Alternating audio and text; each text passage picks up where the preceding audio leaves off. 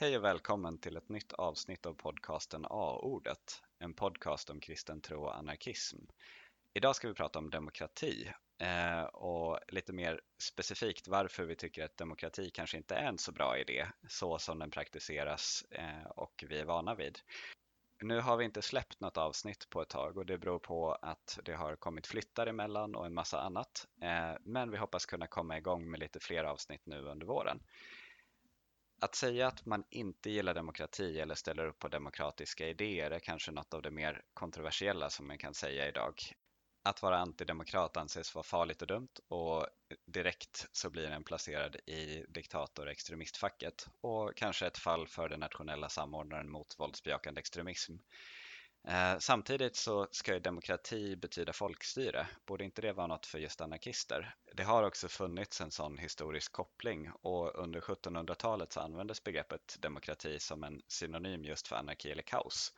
Eh, så varför ska man ifrågasätta demokrati och lever vi verkligen i ett demokratiskt samhälle? Eh, är anarkism den sanna demokratin eller tvärtom?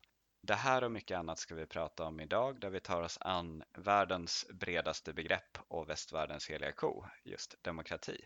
Men innan vi sätter igång avsnittet så har jag lite information. Det första jag vill berätta är att Virus, en träff på temat kristen tro och anarkism, kommer att arrangeras i Resele i Västernorrland den 30 7 till 1 8. Och här har arrangörerna tänkt till det är nämligen så att Urkultfestivalen arrangeras precis efter, så för den som är intresserad så går det att vara med på Virus och sen boka biljetter till Urkultfestivalen. Det är väl helt enkelt så att det är flera av oss som har varit med på Virus tidigare som tycker att det är en rolig grej. Och det kommer att komma mer information på A-ordet om virus när, ja, så snart vi får information från eh, organiseringsgruppen. Förutom det så har också plattformen anarkism.info som jag tror dök upp under 2017. De har lanserat en podcast och det här är väldigt roligt att se. Jag har inte hunnit lyssna på den än, men ändå någonting som känns kul att kunna flagga för. Eh, med det sagt så dyker vi in i dagens avsnitt av A-ordet om demokrati.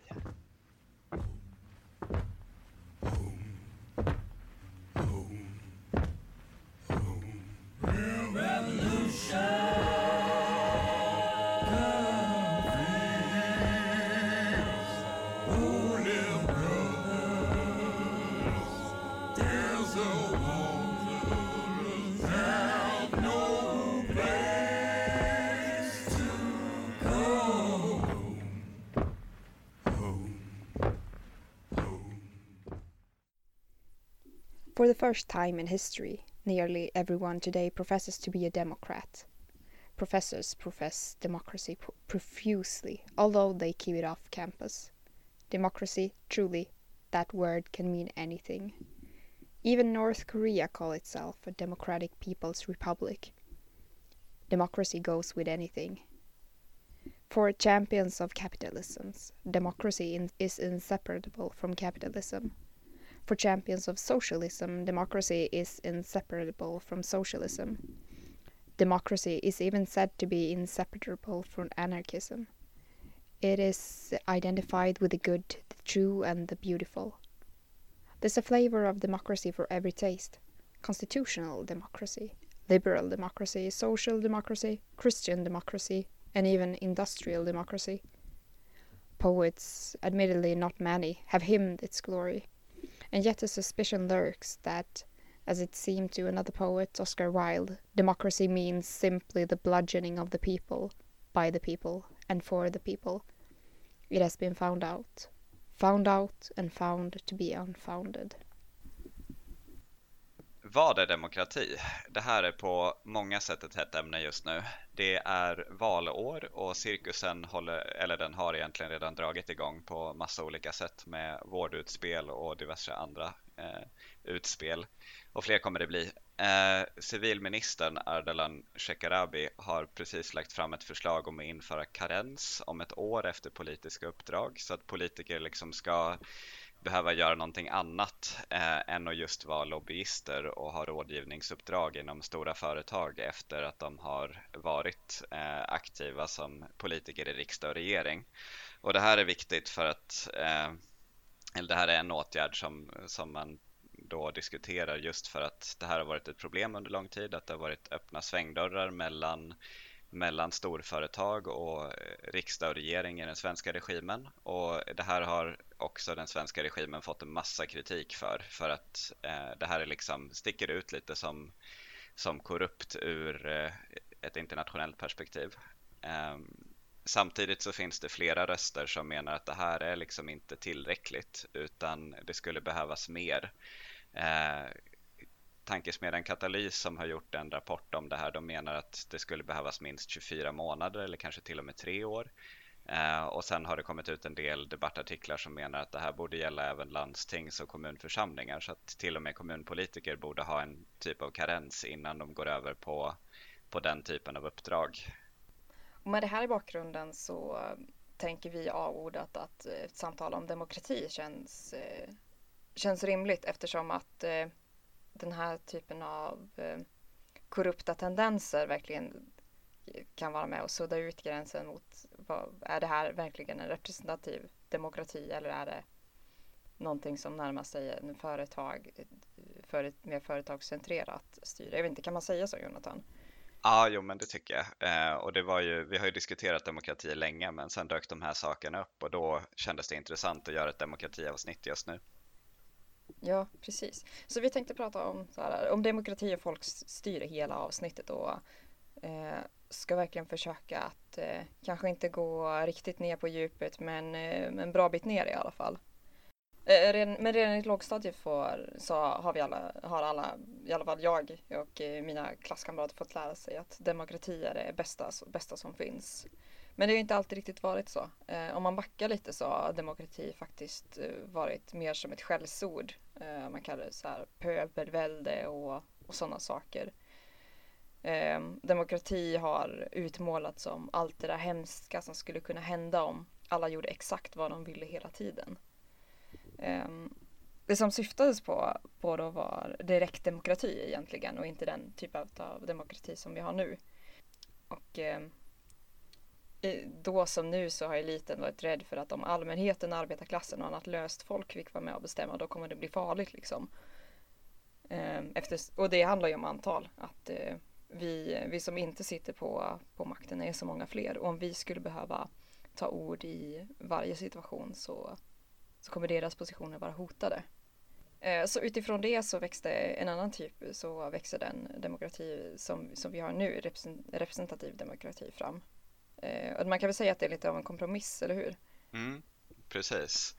Där har man ju istället för att alla är med och bestämmer om alla frågor så har man, eh, röstar man fram små minityranner som får vara eh, diktator under en begränsad tidsperiod och som då kan avkrävas ett visst ansvar genom att de inte blir omvalda eh, i slutet av den här tidsperioden. Och här finns det ju en massa olika modeller och en massa olika sätt att definiera demokrati. Eh, ett tips på en riktigt nördig fördjupning det kan vara statsvetaren David Helds bok Demokratimodeller. Den här citeras lite i olika sammanhang. Eh, jag läste den när jag pluggade bland annat, men den pratar om olika typer av demokrati och olika definitioner av demokrati.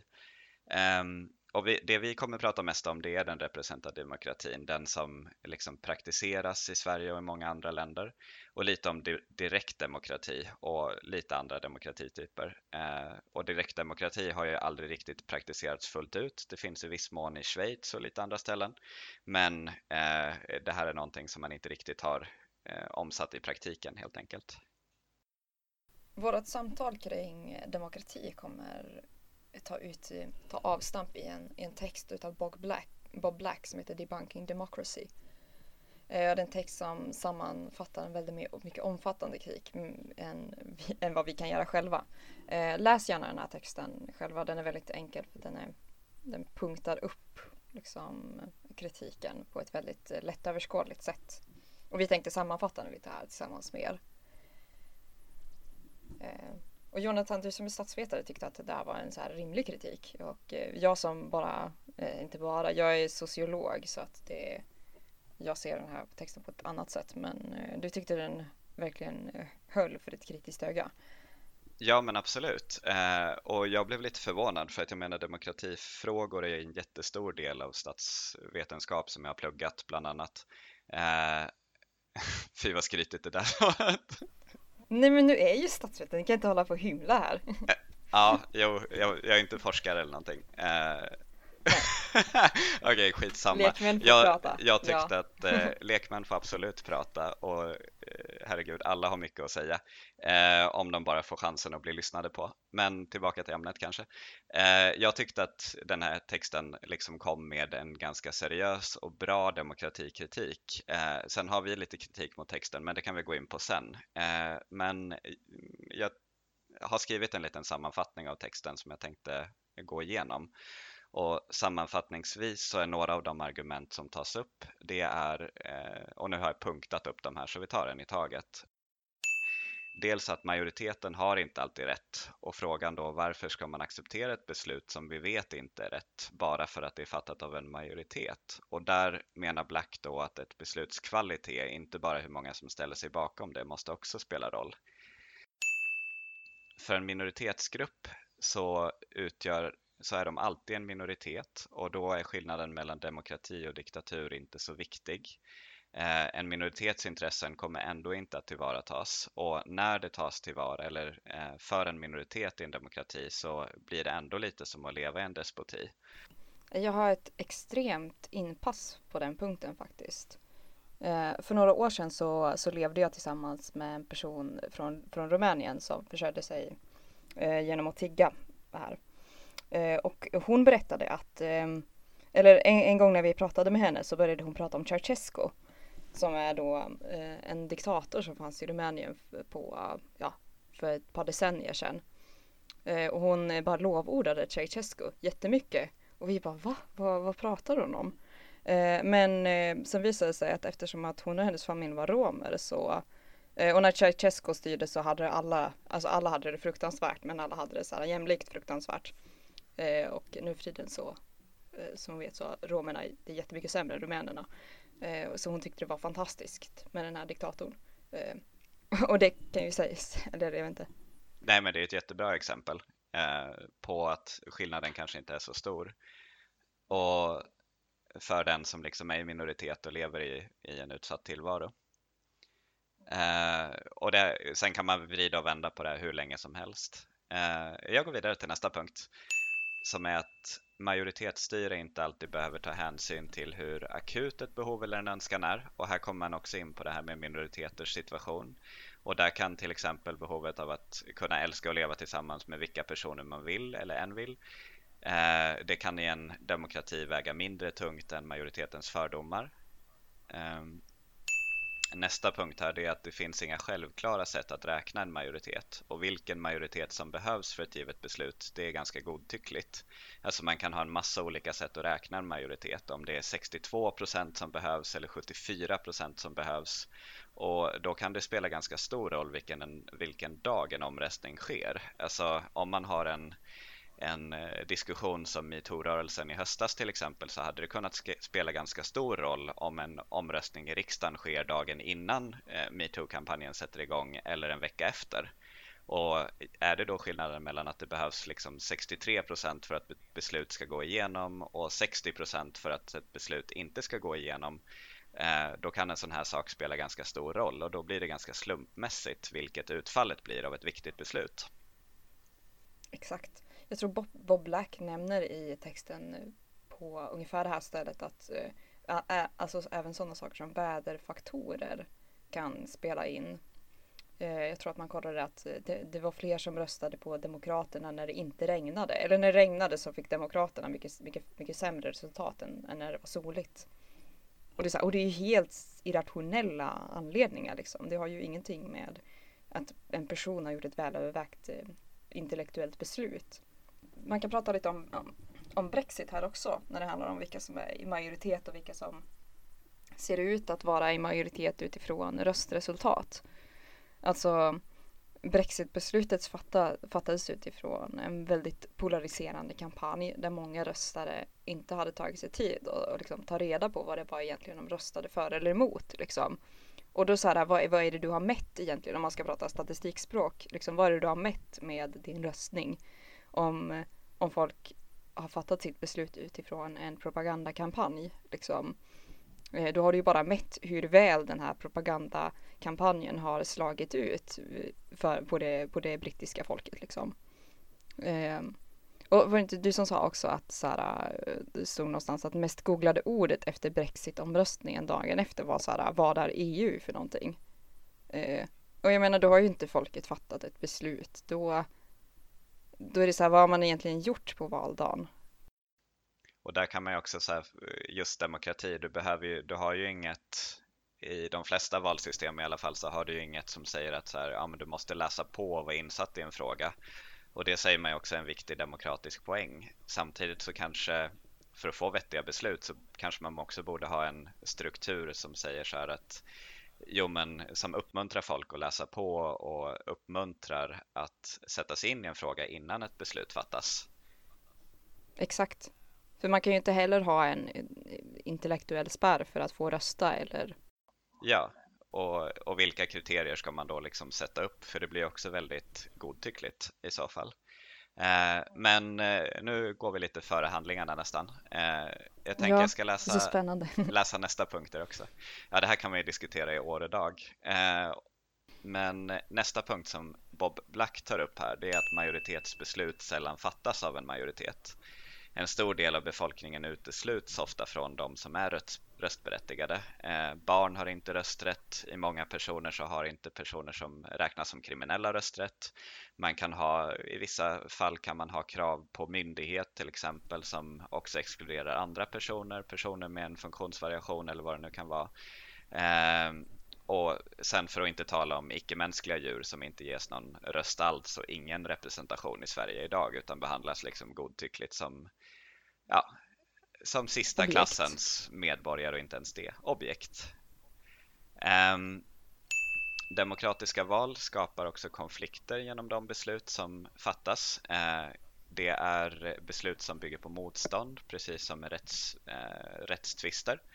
Och ett beslut som fattas efter att en församling samtalat sig fram till en lösning Eh, till skillnad från ett demokratiskt beslut eller ett eh, röstningsbeslut. Det kan skapa förståelse för skillnader och olika ståndpunkter istället. Eh, majoritetsbeslut menar då Bob Black är en maktdemonstration och här citerar han sociologen George Simmel som menar att majoritetsbeslut enbart är ett substitut för våld. Så istället för att krossa skallar så räknar en skallar. Och det här tjänar bara till att visa att majoriteten egentligen har makten att krossa minoriteten med våld. Jag, jag läste en artikel i ETC igår eh, där Nina Björk pratade ungefär om det här. Det var egentligen en artikel som handlade om någonting helt annat. Men eh, Nina menade att det här sättet att, eh, att tänka liksom och måla upp eh, en, en opposition som, som inte finns. Att det bygger på en eh, kapitalistisk föreställning om brist och att det är någonting som eh, en berättelse som, som, eh, åter, som reproduceras inom den, den kapitalistiska världsbilden. Liksom. Och att eh, det är nog inte att underskatta hur mycket, hur mycket det, det paradigmet påverkar även när, när de, de som försöker bygga någon typ, typ av demokrati. Liksom. Mm. Och det här går ju tillbaka på liksom den tidiga historien med demokrati också och det som vi pratade om precis i början med, med eh, hur det tidigare beskrevs som pöbelvälde. Eh, och anledningen till att man ville begränsa det här pöbelväldet det var ju just rika människor som hade intresset av att behålla sina privilegier. Exakt. Nästa punkt. Nästa punkt är att direktdemokrati är mer ojämlikt eftersom federalism leder till att beslut flyttas längre ifrån medborgarna. Eh, och det här är väl lite krångligt. Alltså, läs Bob Blacks text om, om mina sammanfattningar här är lite otydliga för att det är ganska komplexa idéer som man har. Eh, men det han menar här är att eh, istället för att när man har ett direktdemokratiskt beslut då behöver man ofta liksom för att kunna göra det i en större grupp än, än liksom en grupp som kan träffas hela tiden. Då behöver man också hitta strukturer där man liksom federerar besluten uppåt så att en representant väljer en delegat eller en församling väljer en delegat som sen eh, samlas med andra delegater som väljer en delegat och på det sättet skulle man kunna liksom ha en generalförsamling som fattar beslut för många människor på ett liksom mer direktdemokratiskt sätt där delegaterna hela tiden kan återkallas direkt. Och det här liknar ju lite det som håller på att hända i eh, Kurdistan med Rojava och det demokratiska experimentet där. Um, som så, det kommer vi gå in på lite sen. Men det som är Bob Blacks poäng här, det är att när besluten flyttas högre och högre upp, då blir ojämlikheten ännu större och här skulle till och med liksom det representativa demokratiska systemet vara mer jämlikt än ett direkt demokratiskt system. Det handlar väl också om en typ av professionalism som eh, jag kan tänka mig blir tätare och tätare ju högre upp i den här eh, upp och nedvända eller triangeln. Tänker jag bara när så här från erfarenheter av att typ sitta i något så basalt som så här ett elevråd som ska försöka fatta demokratiska beslut. Att, eh, eller eh, där ibland, ibland får man in eh, förslag från folk som, som man ska få. Och sen, men förslaget är så här ogenomförbart utifrån vad den demokratiska församlingen kan, kan besluta om och då måste man dissa det. Men, det sker, men dissandet sker på en nivå så att den personen som skickar in förslaget inte, inte kan ha kontroll eller få vetskap om varför. Eh, därför att det handlar om så här, kunskap om hur de, de demokratiska systemen fungerar. Så att det, det är näst, nästan till en mekanism känns det som. Och det här, eh, det är en jätteintressant diskussion. Eh, vill du säga någonting mer om det? Nej, jag tror inte det. Bara det att det blir eh, det blir elitigt väldigt snabbt och det typ äh. måste bli det för att de för att systemen ska fungera.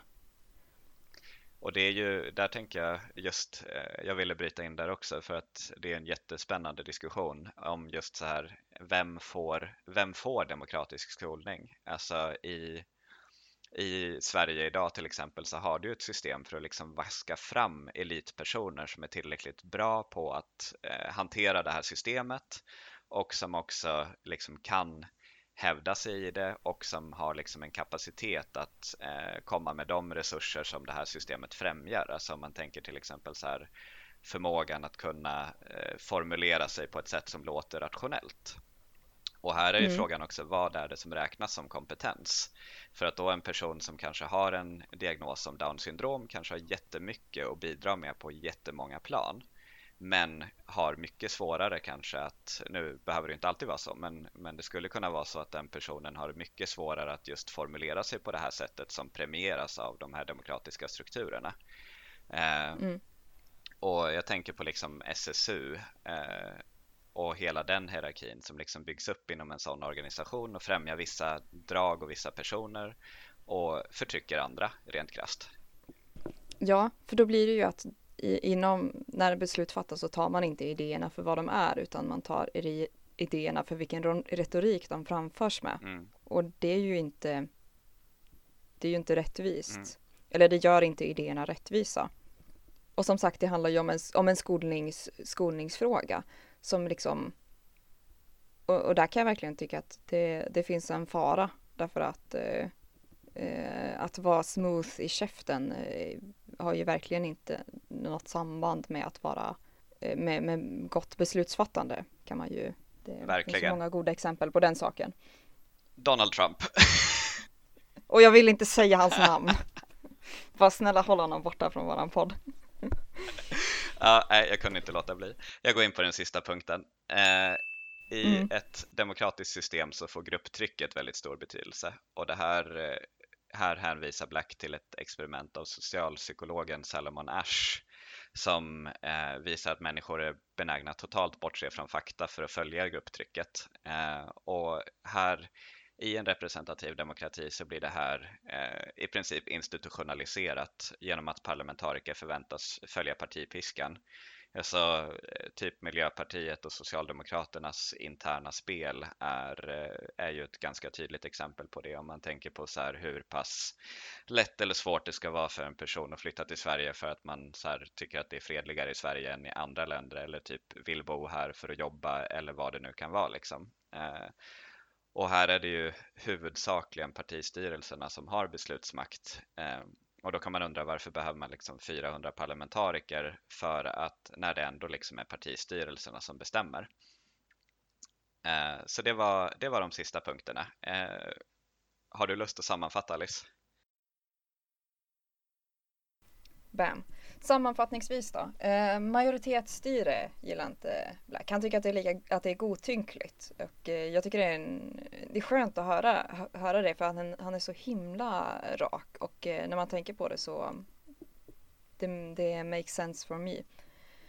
Eh, att så här, majoritetsstyre är lika godtyckligt som slumpen men inte alls lika rättvist. Så att, eh, och både direkt och representativ demokrati demokrati kommer därför att präglas både av korruption, faktionalism, godtycklighet, våld, rättshaveri och konservatism. En del av den här kritiken gäller eh, lika väl för andra typer av styre.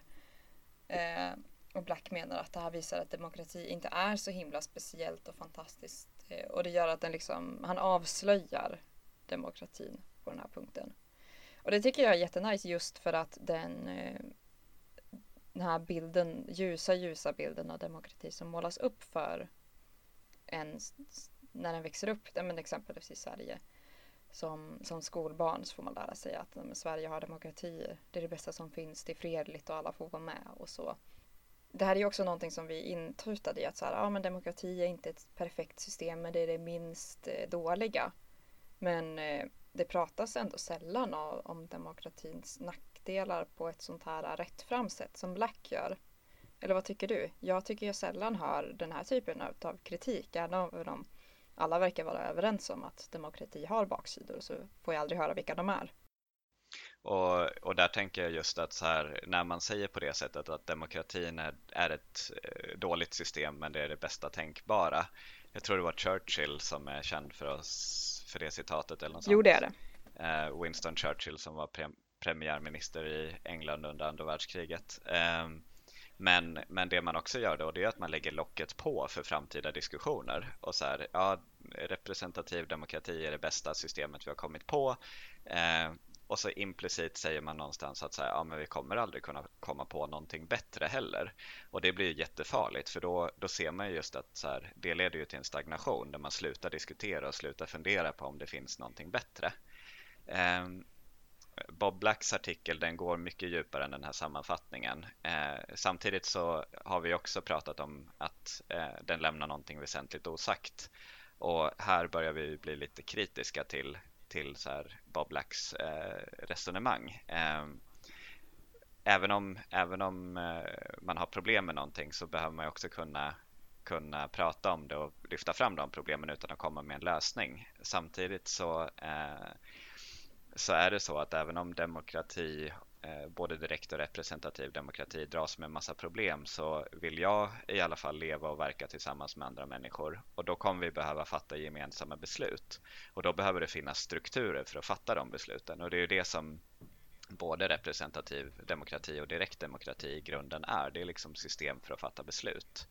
Eh, och här så antyder Black att deliberation kan vara ett bättre alternativ men han kommer inte med några direkta alternativ i sitt resonemang och förklarar inte hur man skulle kunna fatta beslut istället.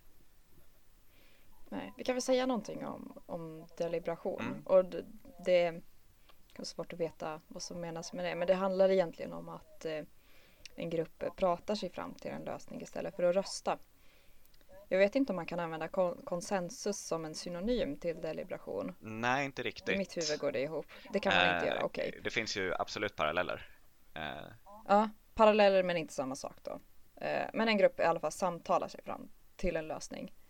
Men, och det som kan göra att en deliberativ metod fungerar mm, är att eller, men då krävs det också så här strukturer för att fatta beslut och utkräva ansvar för att den metoden ska funka också. Annars får du bara ett väldigt stort osorterat samtal mm. som kanske ändå domineras av några få. Detta, ja, deliberation då, det är ju ett, eh, det är också ett demokratiideal och det här framförs av statsvetaren David Held som, som vi tipsade lite om förut eh, som ett alternativ som kan användas ibland istället för representativ demo, eh, Eh, demokrati istället för representativ demokrati. Ehm, och det är någon, eh, ja, och deliberation eller olika typer av deliberativa strukturer och sammanhang, det experimenteras det en, del, en del med, eh, till exempel för att få fram bättre beslutsunderlag vid stora beslut. Och det här görs eh, i kommuner och andra eh, sammanhang och då kallas det för medborgardialog, men då är det alltid som en eh, liksom, rådgivande struktur så att eh, en grupp människor får liksom, eh, blir utvalda av politiken och får då diskutera de här frågorna som behöver diskuteras och sen tar man hänsyn till den diskussionen när man tar beslutet. Så att det här är ju inte någon form av utökat medbestämmande utan det är bara ett komplement i så fall. Maktförhållanden är ju fortfarande lika ojämna. Ja, ja absolut. De beslutsfattande kan ju ta, ha och mista deras, eh, deras åsikter om de är på det humöret. Absolut, och det handlar ju mer om legitimitet, att beslutet liksom ska vara förankrat och gå igenom utan protester. Ja, eh, nej men en del, en del svar saknar vi från Black, även om vi, som vi har sagt tidigare, det måste få vara okej att peka på problem utan att veta om exakt hur, hur man ska lösa det. Eh, men utifrån det så är Bob Blacks analys viktig, och, alltså den är viktig att prata om. Samtidigt så behöver en anarkistisk rörelse försöka hitta svar på hur vi kan samarbeta utan att samtidigt så här, motarbeta varandra internt genom olika demokratiska strukturer och Eh, men jag tycker det, det hjälper att veta att Bob Black är en del av post-left-strömningen inom anarkismen. Eh, och det är en tendens som lyfter fram det så spontana upproret och kritiserar traditionell vänsterorganisering. Och eh, när man efter att ha hört det så är det ju lättare att förstå varför Black eh, kritiserar varje, varje liksom tendens till gruppbeslut och menar att det är själva gruppbesluten som är problematiska. Eh, för att han helt enkelt inte tror på den typen av organisering. Eh, Bob Black har varit inblandad i en ganska bitter konflikt med, med Mary Bookchin under en tid. Och Mary Bookchin är ju mera förespråkare för eh, traditionell vänsterorganisering och eh, är det, är det Rojava de har bråkat om eller vad är det? Jag är inte jätteinsatt i den konflikten. Jag tror, jag tror att det var tidigare innan, innan den kurdiska revolutionen. Eh, ja. Som så, men, men eh, den bygger en del på eh, Murray Bookchins teorier liksom med demokratisk konfederalism eh, som en struktur som lite har rötter i, i hans tankar. Um, Mm. Och då bråkar de ju liksom om, om det här med att ja men hur ska man kunna organisera sig? Är det liksom inte anarkistiskt med organisationer? Eh, och ja, det finns ju hur mycket som helst skrivet om det helt såklart. Och där får väl den, den som lyssnar och är intresserad av det här, men eh, googla Bob Blackmore Bookchin och eh, bestäm dig för vem av dem du tycker har bäst argument helt enkelt. Och Eh, men jag tycker det är väldigt intressant där just med så här, eh, att det är två olika tendenser. Jag vet inte, jag skulle väl eh, inte tycka att det är fel att kalla demokratisk konfederalism för att liksom ändå förkroppsliga en del av de saker som jag tycker är eh, viktiga med anarkism och anarkistiska teorier. Även om det liksom inte ska eh, göras likhetstecken mellan demokratisk konfederalism och anarkism det har ju också den kurdiska rörelsen varit tydlig med. Liksom. Eh, men att ändå se att det finns de här två olika strömningarna och jag tänker att det finns saker att lära sig av båda. Ja, ja men absolut. Jag, jag ser liksom eh, den kurdiska rörelsen som ett modigt, modigt försök att göra någonting annat och bara det i sig är verkligen värt att hylla. För att de bygger, de bygger en struktur så som de vill ha den på ett sätt som på ett bristfälligt sätt. Alltså, men hell hellre att de gör det än att eh, det inte händer någonting. Liksom. Och speciellt när det här verkar vara en modell som kan, kan vara fungerande åtminstone nu och åtminstone ett tag för ganska många människor. Eh, alltså, I mina ögon så är det mycket mer positivt än om det skulle finnas tio rättrogna anarkister eh, i ett hus. Så känns det här bättre. Mm. Jo, de har ju, de har ju vågat välta demokratins guldkalv, fick jag säga det. Ja! och, prov, ja. Eh, och det här är ju, alltså, jag tänker om man liksom jämför det här med perspektivet att lägga locket på för att säga att ja, dem, representativ demokrati är good enough eh, trots att en massa människor fortfarande blir förtryckta på en massa jobbiga sätt. Liksom. Mm. Eh, Ska vi säga någonting om, eh, om att själva den här, men kan vi inte fortsätta prata om demokratins guldkalv lite grann? Eh, för det var ju något, det är någonting som när vi förberett där har vi pratat en del om eh, vad det egentligen, vad, vad det vi gör när vi dissar demokratin på det här sättet eller dissekerar den åtminstone. Eh, för det jag tänkt, något, när jag läste Bob Blacks text så var det någon röst bak, långt bak i mitt huvud som hela tiden kände sig som en liten, liten moderat. Eh, eller så här, eh, när vi dissar demokratin, vad är det då vi gör om, för att eh, de andra klassiska alternativen till demokrati är ju out, eh, aristokrati och diktatur, liksom, eller monarki, men vem vill ha monarki? Bara idioter.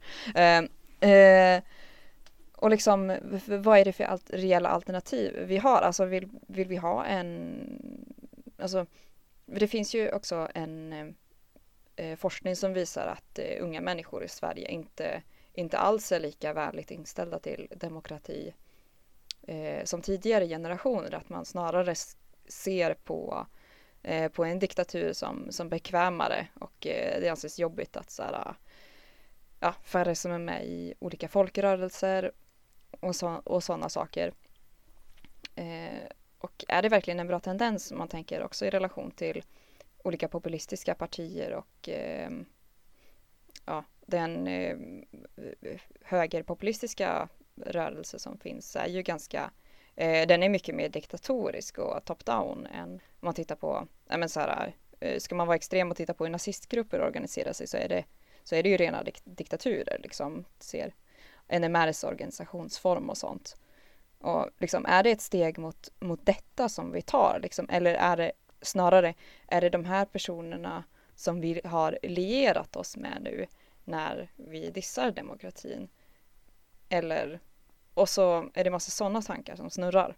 Eller finns det verkligen reella positiva anarkistiska alternativ till demokrati som vi kan ansluta oss till och förespråka?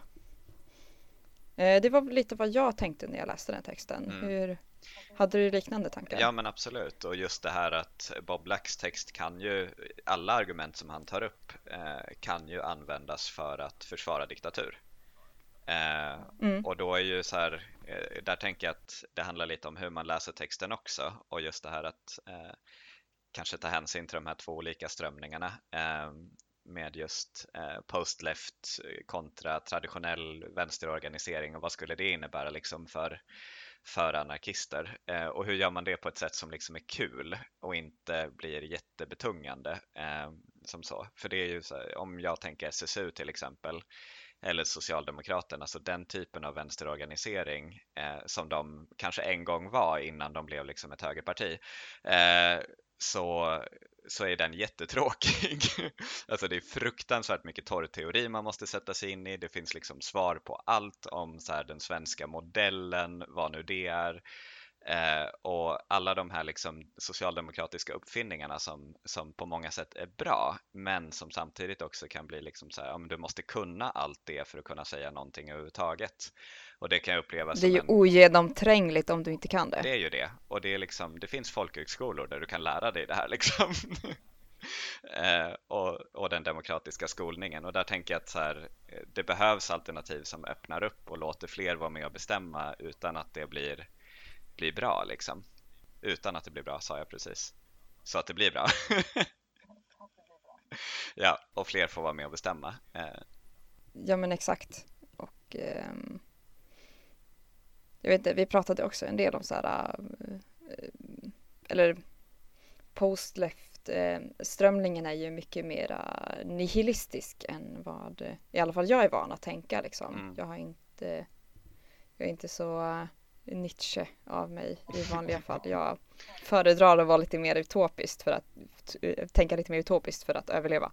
Mm. Eh, men det kanske behövs så här, för att få och nu låter jag så här jätte så här lättmjölkig. Men det kanske behövs, jag tror verkligen att båda de här sakerna behövs. Det be nihilismens och postlefts eh, kritik och eh, liksom rannsakning av eh, de olika vänster, eh, vänsterklanerna behövs verkligen för att eh, ge vänstern en spark i röven och börja syssla med någonting vettigt, tänker jag. Eh, men eh, personligen skulle jag, om jag bara skulle leva i en sån här eh, på Black-värld där ingenting funkar så skulle det kännas, då skulle jag sluta göra någonting överhuvudtaget.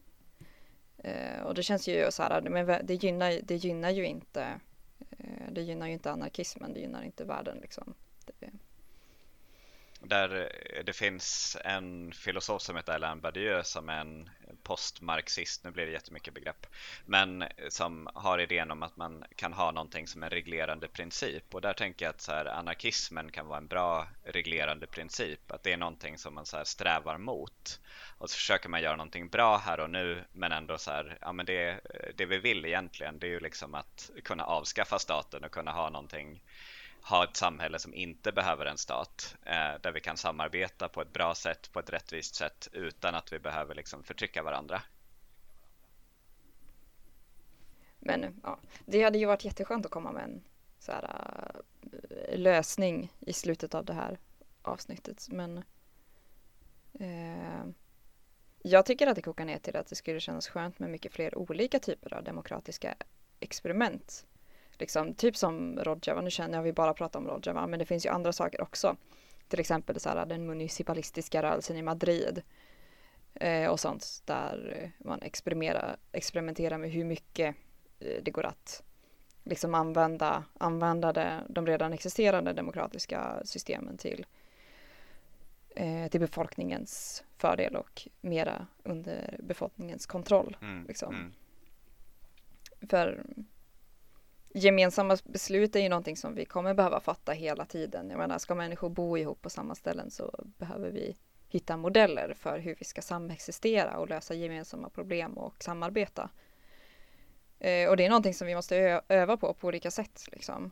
Eh, men eh, eh en, en metod som vi skulle vilja lyfta i podden också som vi tror att har ganska stor potential och som är någonting annat det är olika eh, feministiska mötestekniker där beslutsmandat eh, kan delas upp mellan olika personer ehm, på ett sätt som ungefär mm, att eh, man har ett väldigt tydligt sätt att eh, liksom visa vem det är som har ordet genom ja, man kan ha en så här ah, talking stick eller någonting. Eh, men att man också har, har personer som hela tiden övervakar samtalet till exempel genom att vara, eh, hålla koll på tiden eller hålla koll på eh, på maktförhållandena i rummet om någon gör övertramp eller förtrycker någon eller hela tiden avbryter och att säga till i så fall. Och det här, eh, för den som är intresserad av det här så finns det, finns det bra böcker av dem, bland annat eh, Per Herngren har skrivit om det här, men jag kommer inte på någon titel. Ja, han har bloggat en hel del om det liksom. Så han har bloggat om eh, det? Om man googlar på feministiska mötestekniker då kommer han upp. Mm.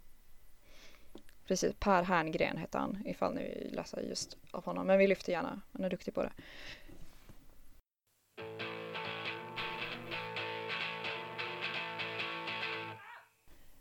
Um, vi ska näm- jag vill också nämna ett annat så här äh, lite mm, udda sätt att fatta gruppbeslut på.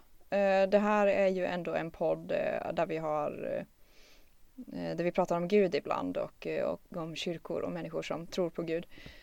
Eh, och jag vill nämna en eh, grupp som heter Kväkarna. Eh, och det här vet inga vilka det är, eller jo, en del nördar. Men i alla fall det här är en Jag tror typ alla som lyssnar på den här podden vet vilka det är. Okej, alla som lyssnar på den här podden vet vad en kväkare är, men jag tänker säga det ändå ifall det är någon så här ja. himla outsider som kommer. Välkommen i så fall, fina outsider. Men Kväkarna är um, en grupp um, som eh, ungefär när det var, ni vet så här, det var Lutherår och reformation och kyrkan delade sig och när kyrkan delade sig så dök det upp en del så här eh, radikala kristna, kristna grupper och en del av dem är kväkarna. Liksom har funnits i ja, i flera hundra år. Skitsamma. Eh, men fräkarna är, kväkarna är en del av den så kallade fredskyrkan. Eh, och eh, de har alltid varit kritiska till eh, statsmakt och våld och olika saker. Eh, men eh, när kväkarna har möten och fattar beslut tillsammans så använder de en modell som jag nämnde lite snabbt tidigare, men den kallas för konsensus. Eh, och de fattar beslut i, i grupp genom stormöten där de kan vara hela, alltså i hela sin kyrka, de fattar beslut om sin kyrka och vad den ska göra. Och då har de stor, stormöten, de först samtalar och sen eh, använder de sig av en metod som de kallar för tystnad. Och där när de har samtalat och inte är överens om en punkt så sätter sig alla och, eh, och, och eh, i tystnaden och eh, försöker lyssna in, så som de uttrycker det, lyssna in Guds ande och lyssna in Guds röst. Um, och när de har gjort det här ett tag så, så samtalar de igen och ser, och, så, och, de, det de gör är att de försöker väva in eh, eh, Gud i, sin, i sitt samtal och eh, försöker få input från en plats utanför sig själva. Och sen fortsätter de samtalet, ser om de är överens. Eh, är de inte överens fortsätter de igen. Eh, de här mötena kan bli hur långa som helst, de kan hålla på i flera veckor liksom. Om det är svåra frågor och de inte är överens. Eh, men jag tycker det är intressant just det här att, eh, att eh, nu kan man ju vara lite eh, agnostisk här och fundera på om det verkligen är Gud de pratar med. Eller om det är det. Ehm, men det är intressant att de söker eh, söker inte efter sin egen vilja utan efter, efter gruppens eller någonting utanför sig själva. Eh, att det också, om man ska försöka översätta det här så skulle det kunna vara ett sätt, liksom även i en gruppdiskussion, att ha, ha en tyst stund där man tänker på andras behov, annat, alltså försöker särskilja vad är mina behov, vad är andras behov, vad är gruppens behov, vad är minoritetsgruppens behov som en slags eh, modell för att fatta beslut också. Eh, och om Gud finns med i spelet och Gud faktiskt säger någonting på riktigt så är det också intressant eh, input i en grupp, även om det kan vara svårt att uttolka det och eh, det kan finnas många saker att säga om vem som ska uttolka det. Eh, men jag tror att konsensusmodeller också är någonting som kan vara intressant att försöka jobba med. Sen behöver man ju naturligtvis tänka på olika maktförhållanden när man pratar om konsensusbeslut eller gruppbeslut överhuvudtaget. I långa diskussioner så alla orkar inte vara uthålliga och eh, en del personer är bättre på att göra sin röst hörd ändå oavsett om man suttit och i tystnad och eh, lyssnat in så är det inte alla som vågar höja rösten i ett gruppbeslut. Eh, så det kan vara en, en klar, klar nackdel liksom. Men jag tänkte ändå det var värt, eh, värt att nämna att eh, den här typen av modell finns ändå. Och det var väl lite det vi hade att säga i det här avsnittet. Eh, så det vi har pratat om, vi har utgått från Bob Blacks text med de argument som Bob Black lägger fram eh, gentemot demokrati och att de kan eh, både användas för att dissa demokrati och att förstöra, försvara diktatur, vilket är lite problematiskt. Samtidigt så är det en skarp analys som kommer med väldigt många poänger som, som verkligen behöver tas upp och diskuteras. Eh, och att den här diskussionen eh, ingenting som, som vi tycker att eh, ska användas för att lägga locket på på något sätt utan snarare som en utgångspunkt för att försöka hitta bättre strukturer och bättre sätt att fatta beslut gemensamma. För att i ett samhälle så måste gemensamma beslut kunna fattas. Eh, som eh, på ett sätt som, som är strukturerat och som, en, eh, som också kan leda till att liksom ansvar tas för de beslut som har fattats gemensamt. Eh, och där att eh, för att komma framåt till ett bra sätt att hitta gemensamma beslut så behöver man ta hänsyn till de här olika strukturerna men att man också behöver testa och experimentera sig fram. Eh, och att anarkism kan vara en bra eh, ledstjärna i den processen. Och där tänker vi på, på just konsensusmodeller, på demokratisk konfederalism, feministiska mötestekniker och deliberativa modeller som som möjliga eh, vägar att gå och experimentera med. Eh, som så. Ja, det, det, var lite det jag tänkte att, att det här har handlat om. Har du någonting som du vill tillägga Alice? Nej, tycker det är en bra sammanfattning.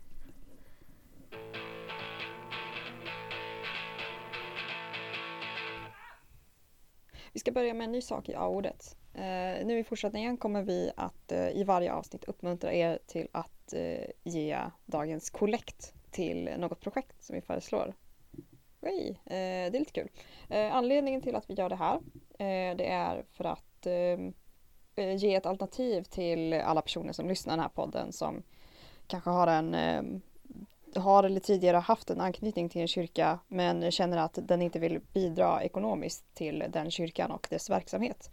Så därför vill vi ge möjlighet till att ge en annan typ av kollekt med en slags revolutionär touch. Och vi väljer ändå att kalla det för en kollekt för att vi vill att det här ska vara en typ av klassisk kristen praktik och eh, i alla fall tycker jag att det är nice att eh, ha andra sätt att utföra kristna praktiker, sätt att göra tro på utan att göra det inom ramen för den traditionella kyrkan som kan vara jobbig och problematisk ofta. Eh, men det här avsnittet så uppmanar vi er att ge pengar till Rojava-kommittéerna. Och det här är någonting som vi har pratat om i avsnittet, eh, så om ni har lyssnat noga så har ni hört det här. Eh, det är alltså ett alternativt samhällsbygge i Mellanöstern, i området i, runt Kurdistan, i norra Irak, i Turkiet. Rojava-kommittéerna har tidigare finansierat eh, brandbilar, återbygge av staden Kobane, eh, lite skolor, en, en, eh, en allmän studio för inspelning av musik eller poddar i Rojava, eller jag menar i Kobane. Eh, det går jättebra att gå, eh, gå in på rojavakommittéerna.com. Eh, ni kan läsa där lite mer om, eh, om kommittéerna, om vilka projekt de driver och eh, hur du kan donera pengar. Det finns både ett swishnummer och ett eh, formulär du kan fylla i för att skänka pengar. Eh, det finns också möjlighet att engagera sig på andra sätt och det finns en flik för det också. Läs gärna på, det, det är svinbra. Eh, när du donerar pengar får du jättegärna skriva i att det är kollekt från A-ordet för vi tycker det är jätteroligt och förvirrande om eh, en hel massa människor kunde fylla i och så undrar kommittéerna eller andra organisationer som vi ger till i framtiden. Shit, vad är det här? Eh, det är roligt att förvirra folk, gör gärna det.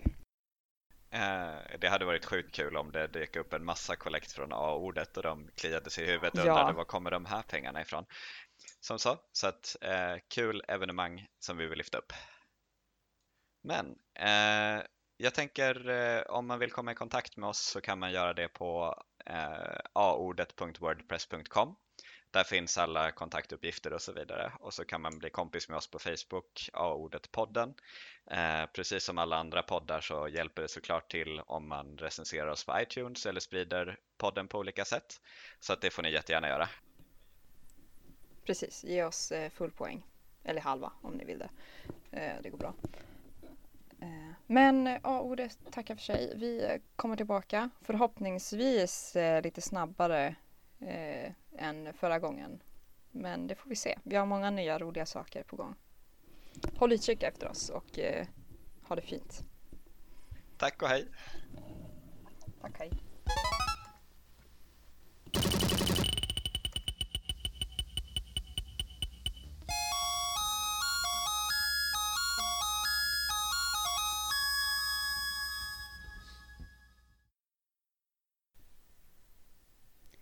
Majority rule is as arbitrary as random decision, but not nearly as fair. For a voter, the only difference between the lottery and the election is that he might win the lottery.